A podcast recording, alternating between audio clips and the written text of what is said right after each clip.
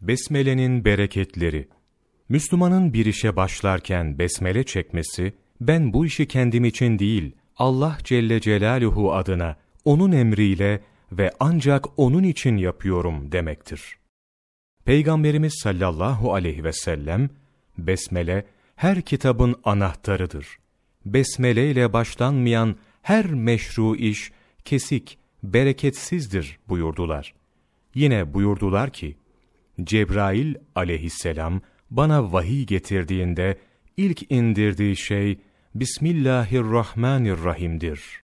Hazreti Adem aleyhisselama ilk olarak besmele nazil olunca, zürriyetim besmeleyi okumaya devam ettiği sürece azaptan emin olur dedi. İbrahim aleyhisselam, Nemrut kendisini ateşe atmak için mancına koyduğunda besmele okudu.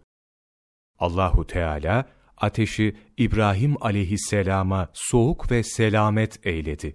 Hazreti Musa aleyhisselam Firavun'a ve sihirbazlarına besmele ile galip geldi. Besmele Süleyman aleyhisselama indirildiği zaman melekler ona "Ey Süleyman, bugün mülk ve saltanatın tamamlandı." dediler. Hazreti Süleyman besmeleyi neye okusa emrine girerdi. Besmele ile diğer milletlere galip geldi. Hazreti İsa aleyhisselam ve havariler besmele okuyarak feraha erdiler. Hazreti Allah Celle Celaluhu şöyle buyurdu. Ey İsa! Sana hangi ayetin indirildiğini biliyor musun? Bismillahirrahmanirrahim emniyet ayetidir. Her durumda onu çok oku.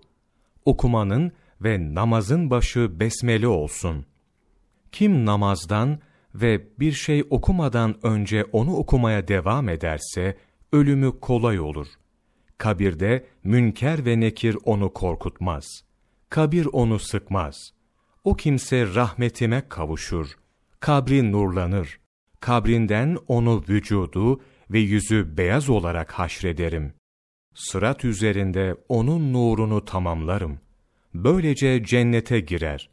Kendisine saadete ve mağfirete kavuştun diye müjde verilir.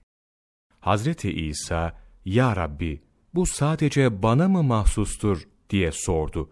Allahu Teala, sana, sana uyanlara ve senden sonra Ahmet'e sallallahu aleyhi ve sellem ve onun ümmetine mahsustur buyurdu.